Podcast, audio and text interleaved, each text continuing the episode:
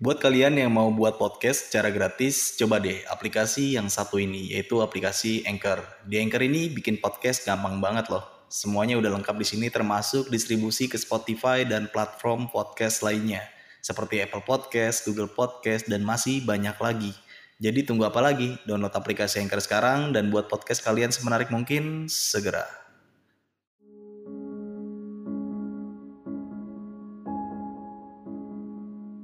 Entah berapa lama kita mau turun itu kabut tiba-tiba nong- nongol lagi ya. Ngumpulin semua. Dan pas awalnya kan kabut doang ini ada suara kuda. Suara kuda. Dan kakek-kakek itu nyuruh kita jongkok. Jadi pas kita sambil jalan itu ada suara. Itu baru kita da- baru datang itu udah disambut. Itu ingat banget pas itu gue datang sampai sana itu habis juhur. Jam satuan lah. Itu ada suara nangis sama minta tolong itu suara cewek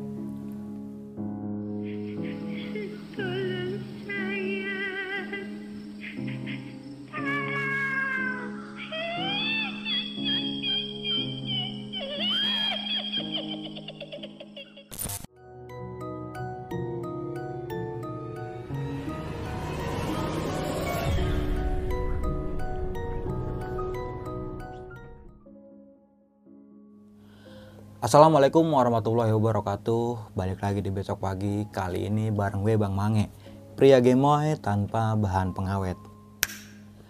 Sebelumnya gue sangat berterima kasih banyak buat teman-teman semua yang udah mensupport, menonton dan mendengarkan besok pagi hingga sampai saat ini. Semoga teman-teman semua yang menonton selalu diberi kesehatan oleh Tuhan yang Maha Esa nih. Pada kesempatan momen kali ini gue masih menghadirkan narasumber nih. Dan narasumber gue kali ini adalah pendaki asal kota Depok nih Oke langsung aja nih gue sapa narasumber gue pada malam kali ini Selamat malam Bang Difta malam bang Apa kabar nih? alhamdulillah baik Sehat ya Bang ya? Sehat, sehat. Kesibukannya lagi apa nih? lagi kebetulan lagi training lah Lagi training Semoga cepet-cepet selesai nih trainingnya ya amin, amin. Nah di segmen kali ini lu pengen menceritakan tentang pendakian lu di gunung mana nih? di Gunung Salak bang Salak dua Salak dua.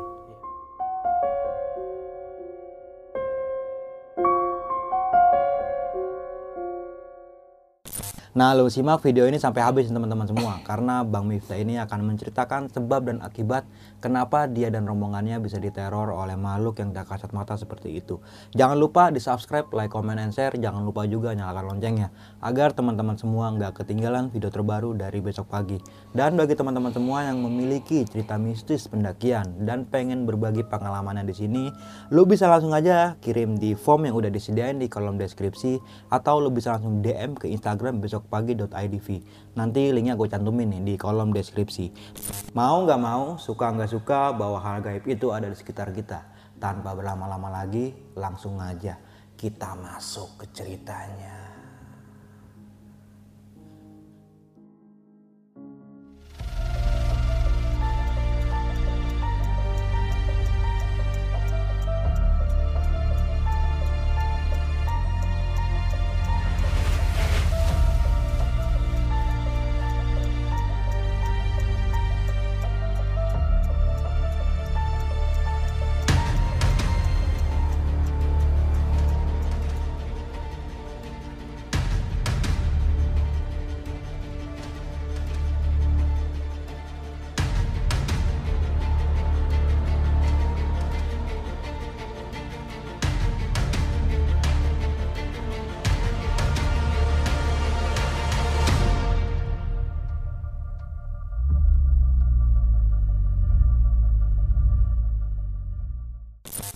...2018 nih...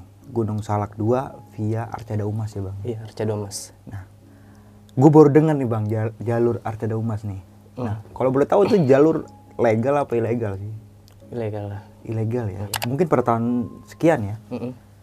Dan lu pengen menceritakan tentang pendakian lu di Gunung Salak nih. Bahwa saja Gunung Salak ini yang kita ketahui ya. iya Ya mistisnya itu nggak kaleng-kaleng ya bukan bang. ya. main Gokil ya. gokil parah Lu mempunyai cerita mistis di, di tahun sekian nih. Nah, lu bisa ceritain nggak sih cerita mistis yang lu alamin ketika pendakian di Gunung Salak 2 ini? oke Silakan bang. Jadi gue mulai cerita dari awal ya.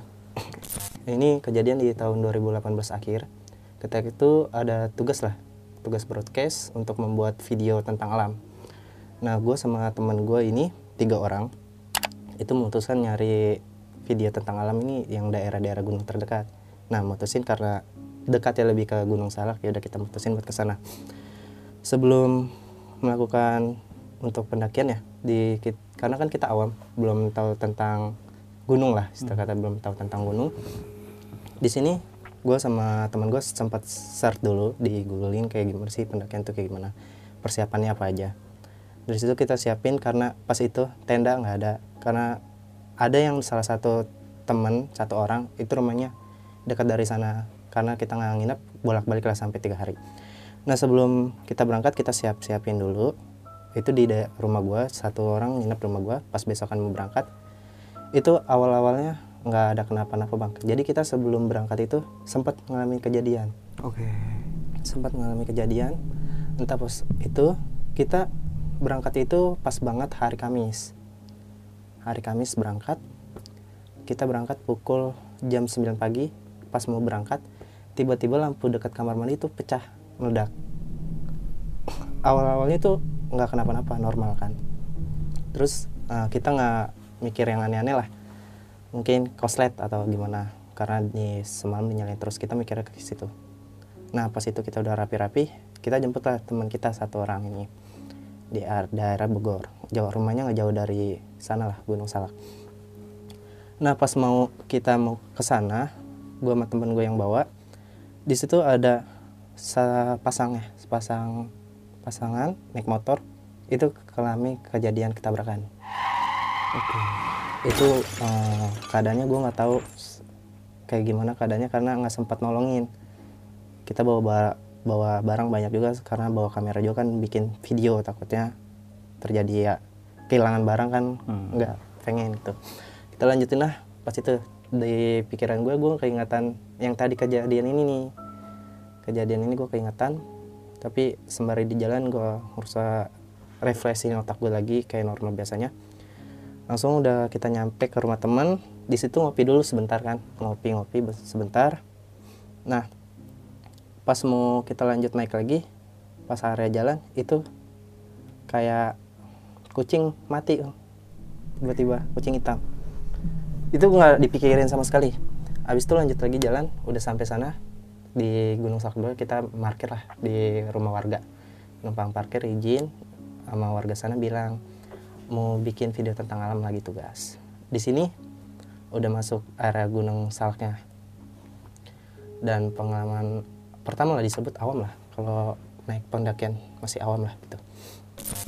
Dari situ gue jalan sama temen gue sambil video-videoin kan pakai HP sebelumnya video-videoin sampai nulis juga alam itu gini gini. Nah pas mau ke area Arcado Mas jadi satu orang temen gue ini tahu rutenya lah yang udah lama di Gunung Salak tahu tentang area Salak 2 jadi pas kita sambil jalan itu ada suara.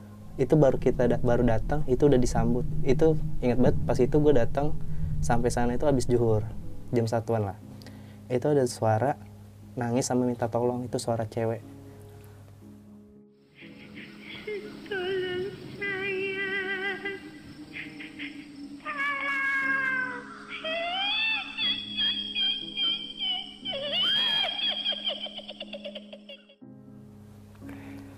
Nah, habis itu kita lanjutin. Awalnya gue juga dengar, tapi yang satu teman gue ini dia kayak takut lah, nggak mau lanjutin. Gue udah lanjutin aja yuk jalan. Ah, Bismillah aja gitu, semoga nggak ada apa-apa. Kita ikutin lewat Arcado Mas. Di situ sambil foto-foto dulu, foto-foto. Kita shoot juga video dari kamera sambil nulis. Nah, pas itu kita lewat ituan apa Kaputren itu disebutnya taman keraton lah kalau orang bilang di sana taman keraton Kaputren di sana ada mata air juga kita cuci muka lah sama minum di sana. Terus kita rute kita sambil nulisin lagi tuh di sana.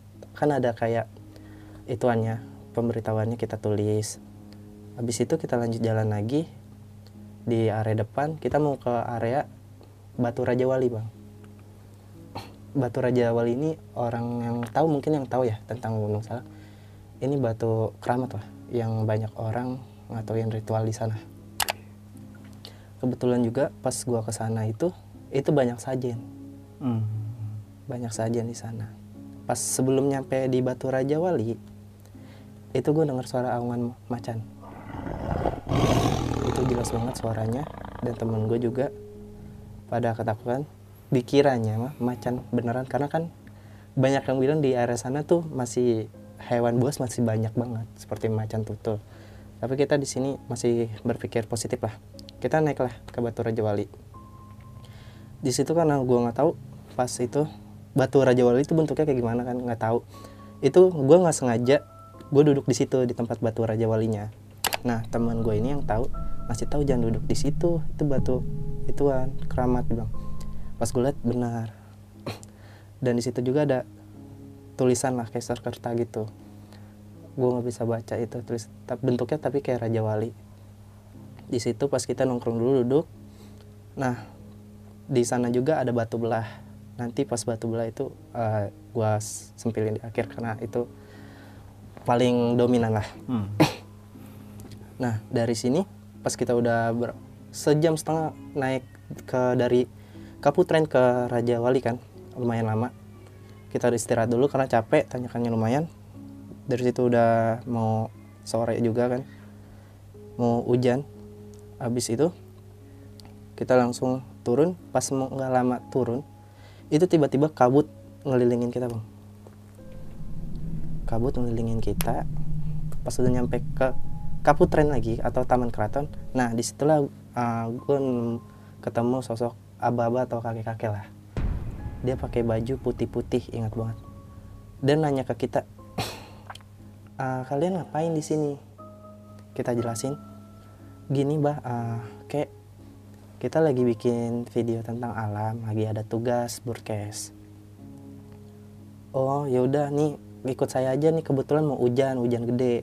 Emang keadaannya itu udah agak hujan cuman belum terlalu besar.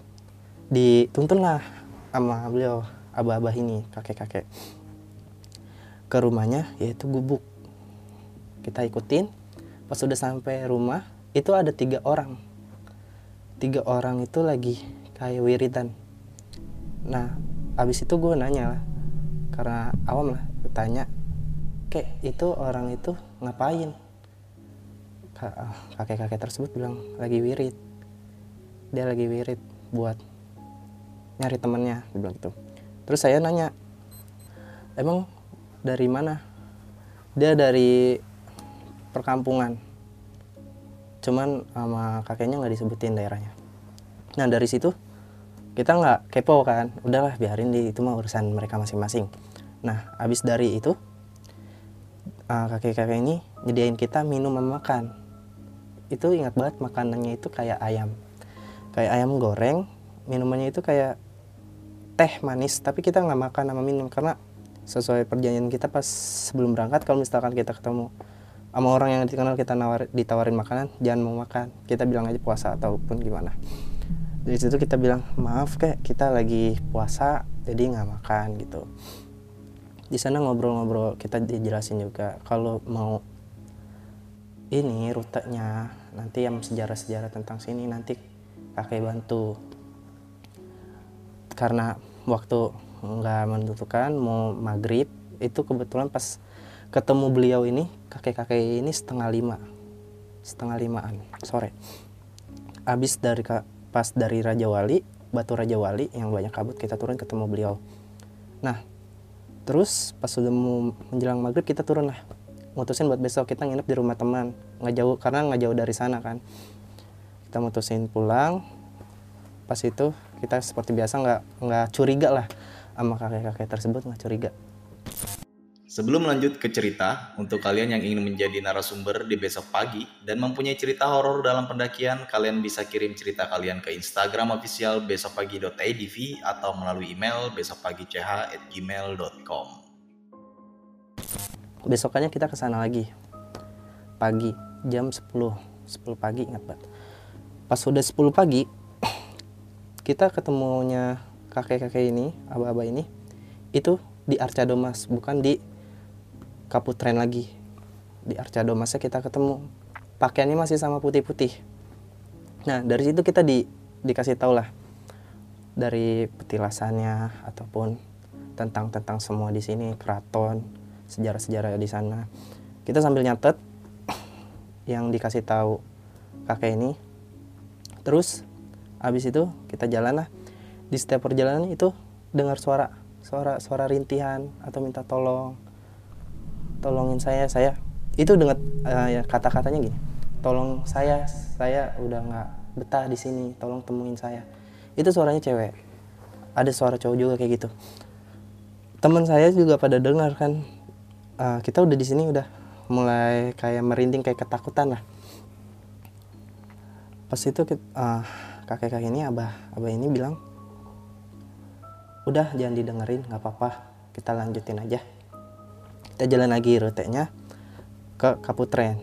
Di sana ada mata air lagi. Kita disuruh ngambil udu di sana sama kakek-kakek. Abah itu ambil udu dulu gih sana. Biar tenang. Kita ambil udu lah di sana. Namun pas kita ngambil udu itu tiba-tiba yang tadinya kakek-kakek di belakang kita tiba-tiba ada di depan. Di depan kita. Kita nggak sama sekali dia ngelewatin kita. Itu gua sama teman gua tiga orang ini nggak ngeliat sama sekali. Dia di depan kita. Kita sampai kaget. Kok bisa sampai nanya lu tadi ngeliat kakek-kakek ke depan nggak? Abah-abah yang ke depan. Perasaan tadi kan di belakang lagi duduk. Enggak nggak ada yang lihat. Ya dari situ udah agak kita mikir wah ini jangan ya. Tapi tetap udah biarin aja. Mungkin kita ngomong dalam hati di- dia dengar kali. Cuman kita lanjut lagi pas kita bilang udah oke udah selesai wudhunya. Yaudah yuk jalan lagi. Kita jalan lagi dari Kaputren naik dulu tuh ke tempat Raja Wali tadi. Di situ tetap masih ada sajian. Tadinya pas pertama saya ke sana sajiannya itu agak udah berantakan. Cuman pas ke sana lagi masih banyak masih utuh masih utuh bang sajiannya. Di situ agak lama sejaman sambil cerita dia cerita tentang dulu orang banyak yang ke sini buat minta sesuatu dia bilang gitu.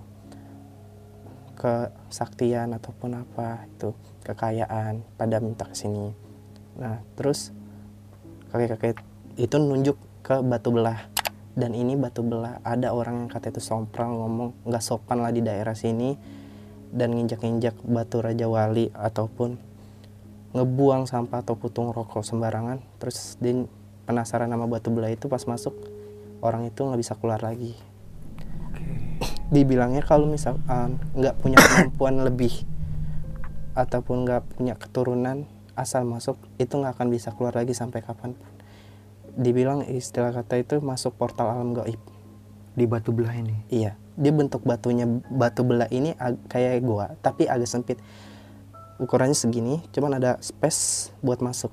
Cuman kalau orang yang hatinya kotor, hati kotor kata beliau, hati kotor punya rencana yang enggak enggak macam-macam ataupun jahat lah, hatinya jahat buruk sama omongan yang enggak senonoh, ketika masuk itu nggak akan bisa keluar lagi.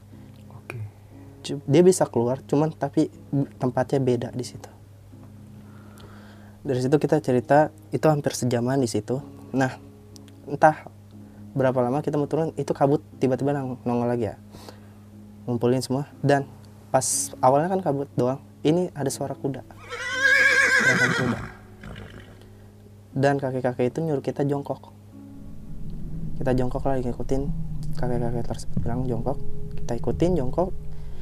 Itu 15 menitan. Kita lumayan pegel lah itu jongkok. Pas udah selesai lanjut kita tadinya mau ke Curug Ciputri cuma nggak jadi karena akses ditutup. Kita turun ke tempat gubuknya lagi ke gubuk kakek-kakek tadi. Habis itu di kita nanya kayak tadi kok ada suara kuda? Kenapa kita suruh jongkok? Nah dari situ diceritain. Dulu ada salah satu pendaki dia kayak nantang gitu ketika ada kabut ada suara kuda dia nantang dan dia berdiri. Pas itu hilang orangnya. Dan teman-temannya tuh khawatir. Ketika itu saya bantulah nemuin cap astagfirullah. Berapa kali tujuh kali dia bilang gitu.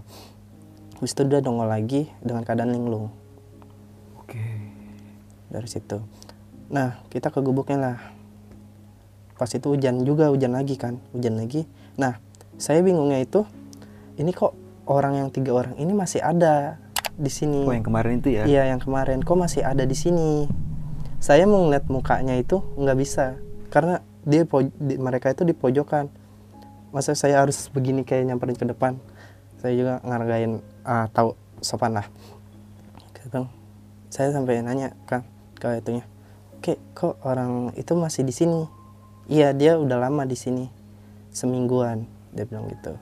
Untuk nganuin temennya kembali terus saya nanya temennya kembali berarti tem salah satu mereka ada yang hilang? Iya. Kakek-kakek tersebut bilang iya kan.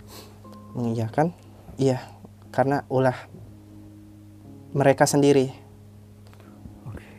Ulah mereka sendiri. Dari situ terus kakek-kakek tersebut bilang ke kita kamu beruntung karena kamu hati kalian tuh pada bersih semua. Nggak kayak mereka mereka dan kakek-kakek tersebut nunjuk gitu. Dari situ uh, kita bilang makasih kan uh, makasih ke kakek-kakeknya. Terus kakek-kakeknya itu bilang "Ah, ada lagi yang ditanyain tentang tugasnya. Masih banyak ya kemungkinan besok kita ke kemari lagi. Karena waktu mepet karena kita kalau nginep nggak bawa persiapan. Karena kan baru pertama kalinya mendaki ataupun nyobain ngerasain di gunung lah.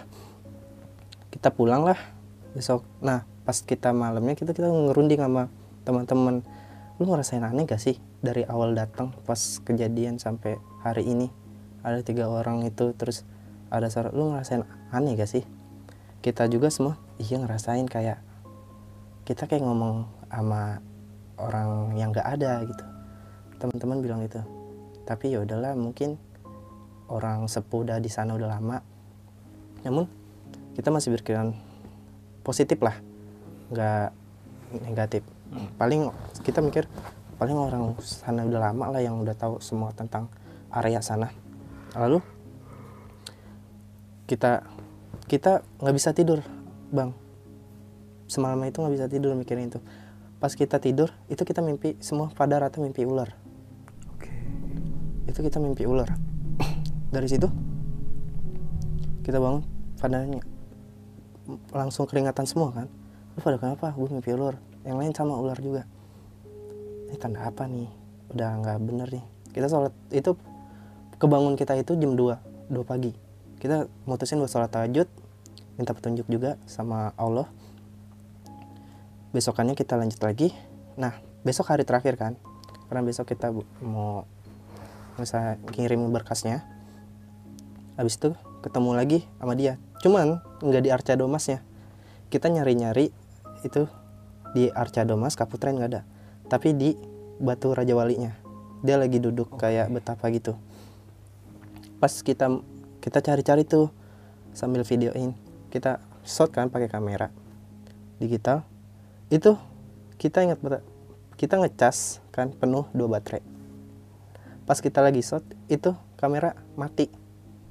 Kamera mati kayak nggak diizinin buat video gitu terus kita ganti baterai lagi sempat nyala cuman mati lagi. Kita ulangin lagi itu kamera nggak nyala sama sekali. Terus kita bingung kan pas kita pakai kamera HP itu ngeblur kamera. Kayak gambarnya nggak begitu jelas. Lalu yaudah kita mutusin buat jalan aja sambil nyatet lagi tentang tentang di sana. Kita rutenya sama yang kemarin ditunjukin. Nah pas di Batu Raja Walinya kita mau naik ke atas dari situ teriak minta suara teriakan tuh minta tolong. Kencang waktu itu kita dengar. Kita mau turun tapi tiba-tiba langsung disuruh naik kan. Sama kakek-kakek itu dia teriak naik. Naik aja sini nggak apa-apa. Kita naik dah tuh. Dia bajunya tetap sama putih-putih. Tetap sama kayak yang pertama kita ketemuin. Dari situ kita udah was-was nih.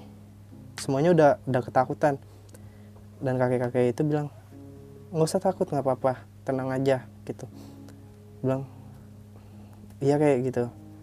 Dari situ kita diceritain semua tuh asal usulnya dari orang tadi tiga orang itu mereka tuh uh, sebenarnya hilang.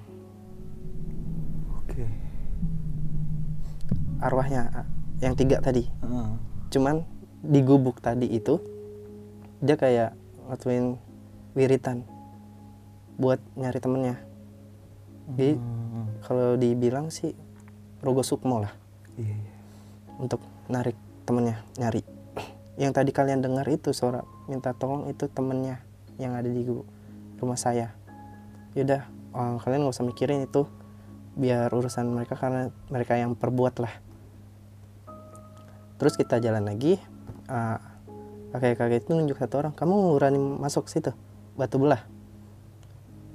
Pada nggak berani kan? Udah nggak apa-apa masuk aja. Kamu ada keturunan soalnya kan. Tapi kagak berani. Itu teman saya yang bilang. Kakek-kakek itu nunjuk teman saya. Bilang kamu punya keturunan. Masuk aja nggak apa-apa coba. Tapi nggak nggak ada yang berani. Terus dari situ kita ngobrol lagi. Tapi nggak begitu lama Se- kita udah ngeliat-ngeliat tulisan udah banyak. Sampai tugas selesai pas udah kelar kakek-kakek itu bilang kalau itu kalau kalian punya teman yang ingin ke sini bilangin jangan terlalu senonoh lah sama s- maks- di dalam artian itu jangan tengil kalau dibilang kata. Jangan songong lah. Seperti anak-anak yang di sana yang tadi di rumahnya itu. Terus kita ke rumahnya lagi. Nah di situ kita kayak dikasih batu satu orang batu. Batu itu warnanya biru. Batu kecil segini biru. Itu di, kita dikasih satu-satu. Ini pegang buat hadiah lah buat kalian. Kalian ka- karena kalian hatinya baik bersih. Dari situ kita pamit lah pulang ke bawah. Itu udah mau maghrib mungkin kita pas turun itu udah ajan pas kita turun kita mampir dulu lah ke warung tuh makan di rumah warga. Terus warga itu nanya "Eh, gimana tadi? Itu sudah selesai tugasnya. Udah tadi dibimbing sama kakek-kakek. Kakek-kakek mana ya? Di sana soalnya nggak nggak ada yang tinggal di sana. Ada kok bos itu kakek-kakek. Dia pakai baju putih terus ada rumahnya gubuk di dekat daerah Kaputren Taman Keraton. Nggak ada di sini nggak ada perumahan sama sekali. Di daerah Kaputren itu nggak ada nggak ada rumah sama sekali. Nah dari situ emang kakek-kakeknya nyebutin nama gak gitu? Dia nyebutin katanya namanya Abah Mahfud. Terus yang nanya ke kita hah? Abah Mahfud dia udah lama nggak ada. Udah nggak ada di situ. Kita juga nggak tahu dalam artian nggak ada dalam arti apa nih. Hmm. kita nggak tahu. Kita kita mikirnya "Em, udah nggak ada. Udah nggak ada di sana kali mungkin udah pi- pindah. Cuman ya udahlah bilang terus gimana tadi? "Ah, kalian nggak kenapa-napa kan? Enggak kok. Malah kita dituntun diarahin terus diceritain segala macam tentang sana tentang dalam Arca Doma Taman Keraton itu apa. Terus perlintasan uh, Batu Raja Wali dan Batu Belah dan Curug Ciputri. Kita dijelasin semua. Cuman saya bingungnya di sana itu ada tiga orang anak-anak. Dia kayak wirid gitu bu. Terus yang tadinya satu orang ibu langsung pada warga nanya pada datang tuh ngampirin emang ada orang di sana? Nggak ada. Yang orang itu bilang nggak ada kan. Nggak ada. Pak ini anak-anak ketemu katanya sama Mbak Mahfud di sana. Ah yang benar deh gitu. Iya benar. Kita dikasih ini juga batu. Batunya masih ada tuh. Pas itu kita tunjukin. Orang itu pas terus kita nanya emang kenapa bu pak? Ah nggak apa-apa. Kita nanya dia selalu bilang nggak apa-apa orang orang sana. Ya udah dari situ kita bingung. Terus tadi siapa itu? Nah saya sama teman saya yang ini mutusin besoknya buat ke sini lagi. Ah, saya ngajak satu teman saya itu dia nggak mau dia trauma dia takut panas dingin. Nah pas besokannya gua ke sana ke area sana itu yang tadi yang tempat rumahnya itu nggak ada bang. Gue terusurin dari Arca Domas Kaputren sampai Batu Raja, Batu Raja Wali Batu belah sama curug Ciputri Ares. Sananya gue terusurin semua.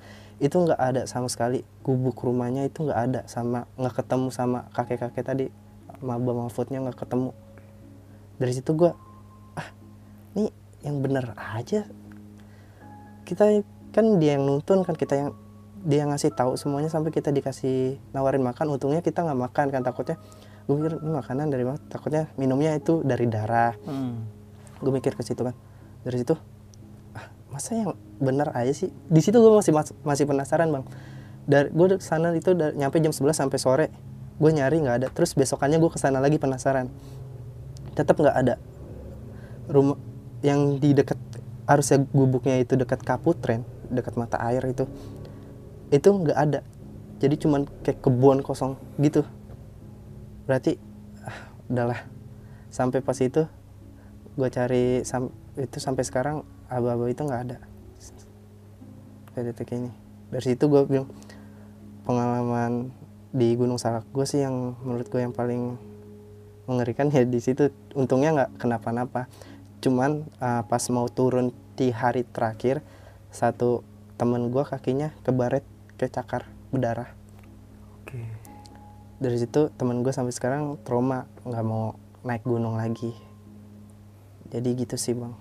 Di Gunung Salak pengalaman gue yang mengerikan dan suara-suara minta tolong nangis itu ada semua nyata. Dan kakek-kakek itu pas terakhir kita mau pamit dia senyum ke kita. Oke.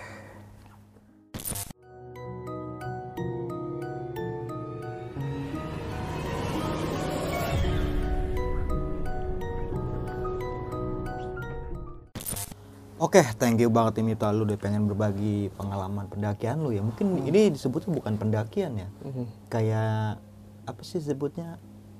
Explorer flora dan faunanya tentang gunung kali Iya. ya.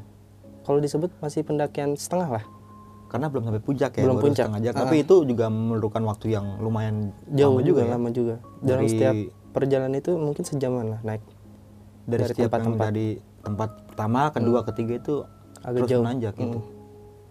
Mm. Nah di sini yang gue mau pertanyaan nih di awal cerita kan, lu mendapatkan tugas nih ya, Mm-mm. buat apa? Buat vlog tentang alam ya. Mm, tugas lah Tugas lah catatan ya, gitu. catatan gitu. Tapi lu masih nyimpen gak sih catatannya atau dokumentasi-dokumentasi itu? itu di sekolahan sih mungkin Oh udah serahin semua ke sekolah. udah diserahin sekolahan tapi kalau masalah video yang kabut itu masih nyimpen Oh masih ada beberapa mungkin yang di handphone masih ya. masih sama teman saya Oke, Dia- tapi nanti kalau ada ya, kirim aja ya buat Siap, buat sini ya. Dan kalau bisa sih yang catatan itu sih kalau ini mah. Mm-mm. Kalau ada ya.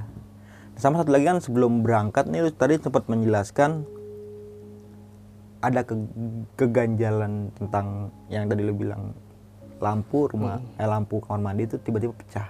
area dapur Area dapur ya, bukan kamar mandi ya berarti ya. Bukan. Dan itu se- setahu gue ya kalau lampu koslet apa gimana ya tak udah mati gitu, nggak nggak sampai pecah gitu. Kalau itu pecah. pecah ini benar-benar pecah Tapi lu ngerasa nggak sih kalau wah ada tanda kayak gimana apa awalnya gitu? enggak mungkin karena kan pas kita nongkrong malam lampu nyala terus mungkin Hmm. kepa- nyampe pas kita mau berangkat ya, mungkin panas lah Iya. panas overhead Itu gitu. berpikirnya kayak gitu ya. mikirnya ke situ masih Gitu. belum hal yang aneh pas udah selesai dari Gunung Salak mungkin ah dari Hmm. tanda itu mungkin Nah kan di hari pertama nih lu sempet ngedengar suara minta tolong ya. Mm-mm. Itu jelas banget gak sih lu dengernya? jelas buat bang Dan itu laki-laki sama perempuan. jelas sama suara nangis jeritan sakitan Oke. Dan ketiga teman lu juga mendengar itu. mendengar Semuanya dengar. satu orang sampai dia karena takut banget kan sama hal-hal yang itu dia sampai selalu jalan dempet terus Sampai ada yang ngajakin pulang ya, temen lu. Ya? Udah pulang aja kali gitu ya. Mm-mm. Dan di hari pertama lu langsung ketemu sama abah ini ya, Mm-mm, pas sorenya pas sorenya dan pas keadaan setelah lu kulik kayak gitu dan lu mengetahui namanya, bos aja Mbah itu namanya Mbah apa?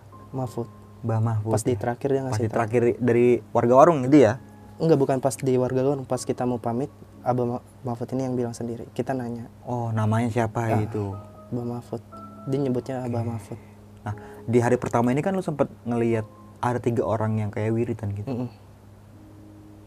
Itu jelas banget apa gimana sih? jelas banget cuman mukanya ini gue nggak bisa ngeliat bang karena uh, gubuknya itu nggak terlalu besar ya Iya. dia agak di pojokan kayak gini. kotak kotak ini mungkin ya. dia agak pojokan gini Oke.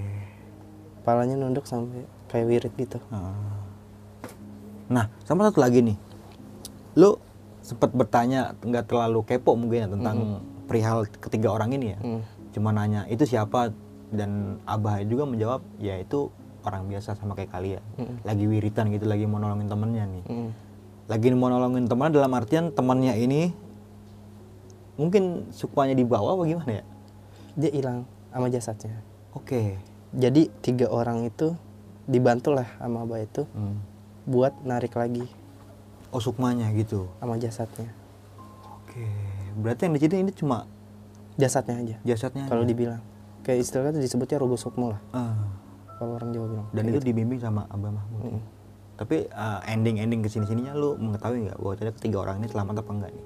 enggak karena pas gua ke sana terakhir gubuk itu nggak ada pas terakhir gua mau pulang orang tiga itu masih ada lagi wirid Oke. cuman pas besokannya lagi gua sama temen gua ke sana itu gubuk udah nggak ada Yang hari keempat ini berarti ya? hari keempat ini gubuk udah nggak ada Dan yang lu lihat itu cuma kayak kebun biasa aja gitu, kayak ya hutan biasa gitu. iya hutan biasa Tapi lu masih ingat gak bahwa saja tempatnya emang di sini loh? masih masih banget Kayak pendoponya emang di sini loh. iya gitu. masih banget ngejauh dari mata air Oke. ngejauh dari taman karaton. Dan itu nggak ada, hilang gitu aja. nggak ada Tapi pas awas sem- seawalnya lu ketemu sama Mbah ini, Mm. sempat disuguhin makan ya sama minuman ya? Disuguhin. Dan lu nggak mau gue karena dari orang tua juga bilang kan kalau ada orang yang berkenan nawarin makan jangan pernah mau. Oke. Sampai sekarang gue terapin. Apalagi dari kalau dari perjalanan jauh kayak di hutan ataupun daerah-daerah yang nggak masuk akal lah Hmm. Tapi tadi lu gue tawarin kopi minum nggak? minum. Minum ya kalau kopi ya. Kan areanya Areanya berbeda ya Iya, mungkin ya. Ini kan di berbeda. kota bukan di hutan ya. Mungkin kalau gue nawarin kopi di hutan lu nggak di mau. pertengahan ya? hutan gitu kan. Nggak mau gitu. Enggak. Jadi lu sempat apa sih uh, setelah satu hari, dua hari, tiga hari dan lu uh, mengeksplor itu semua ya. Udah jadi nih tugas lu. Dan pas ketiga harinya nih yang menurut gua agak gokil sih kayak aneh gitu. Lu sempat bertanya sama warga di atas itu ada kakek-kakek ya yang bernama Mbah Mahmud. Eh, Mm. Mbah Warga Mahmud ya. warga itu yang nanya ke kita. Iya. Dibimbing sama siapa emang? Oke. Gitu. Kita jawab lah Dan situ semua ada terbongkar lah nih ya. terbongkar. Dari situ kita ah, apaan sih kayak nggak mungkin lah. Kita masih pas di sempat war- warga bilang kayak gitu, kita nggak percaya Hmm. karena jelas banget kakinya napak kok, Iya. kakinya napak kok. Pas besokannya gua sama temen, jadi berdua, gua ajak satu lagi teman gue tapi enggak dia nggak mau, dia udah trauma, terus sakit juga panas. Hmm. Yaudah, otomatis kita berdua ke sana, kita cari lah tuh sudut-sudut tiap rute yang itu nggak ada sama sekali. Gak ketemu ya. Ini di hari keempat ya berarti lu nyari gak, ketemu. Biasanya itu kalau dia nggak di Kaputren Arcandoma sama di Batu Raja Wali, tapi Iya. nggak ada, ya? Tapi nggak ada ya. nggak ada sama sekali. Dan menurut Mbah ini juga ah, dari tim lu ini Hmm. hatinya bersih semua nih, nggak ada yang punya niatan jahat lah ya. Enggak. Dan alhamdulillahnya lu nggak sempat ngikut ke sono juga sih, nggak diajak dia gitu. Mungkin yang tiga orang itu ada yang iseng lah, narik sesuatu di sana tanpa Oke, izin. kayak nyari sesuatu, kayak Iya. ya penglaris apa gimana gitu mungkin ya. Mungkin ya, tanpa izin. Dan tapi ah, sosok Mbah ini baik kan ya sama Baik, baik, teman-teman lu juga. ya? baik. Maksudnya ah, welcome lah gitu, nggak nggak nggak ada punya niatan jahat gitu. Mm-mm. Oke. Sebenarnya juga uh, s- cerita ini gue nggak mau cerita sih, dilarang keras. Sama? Tapi sempat mimpi Oh berarti sebelum, kejadian ini sempat iya, dimimpiin? sempat dimimpiin. Cuman pas seminggu yang lalu lah katanya, ya udah nggak apa-apa, ceritain aja. Oke, dan di sini juga buat berbagi pengalaman aja Iya. ya. Buat saja ya Setiap mana pun harus jaga etika lah benar. di tempat Yang penting mana pun. sopan dan santun ya. Iya, sopan santun nomor satu. En- Entah lu mau di dalam goa, mau di dalam hutan, tapi kalau lu sopan sih ya Iya, ya paling ada penampakan-penampakan gitu ya hal biasa kayak gitu. Nggak sampai lah. di, lu nggak sampai diculik ke alamnya dia Iya. gitu loh. karena mereka juga kan punya attitude lah Nah, seperti kita Sama juga ya Biti. Hmm. Oke nih thank you banget nih Mita lu udah pengen bagi pengalaman pendakian lu di Gunung Salak ya di tahun 2018. Iya. Dan setelah itu lu ada kegiatan naik-naik gunung lagi nggak sih? belum ada sih Belum ada. Ah. mungkin eh, tahun besok lah Mau berarti sempat vakum nih dari Vakum, 2018 sampai sekarang. vakum Mungkin karena kejadian itu Iya. ya. Waduh. sampai terbayang-bayang karena Oke. aneh Aneh ya. aneh Aneh banget sih. Oke, sebelum kita mengakhiri video kali ini punya pesan-pesan nggak nih buat teman-teman semua? Eh, pesan-pesannya ya kalian di mana pun berada yang penting sopan santun sama attitude omongan lah dijaga karena di setiap wilayah itu sosok yang tidak dilihat itu ada maupun baik sama jahat itu ada. Kalau kita baik mereka welcome ke kita. Kalau kita jahat tidak jaga attitude dan sopan santun ya mereka semena-mena sama kita lah. Hmm, benar itu aja. Dan berkali-kali nih gue mengingatkan bahwa saja cerita yang diangkat Bang Miftah pada malam kali ini bukan ingin menakuti teman-teman semua, tapi lu bisa ambil sisi positifnya dan jadikan pelajaran buat ke depannya. Oke, mungkin itu aja nih dari gua Bang Mange dan juga Miftah ya. iya Gua pamit undur diri, sampai jumpa di video-video selanjutnya. Wassalamualaikum warahmatullahi wabarakatuh.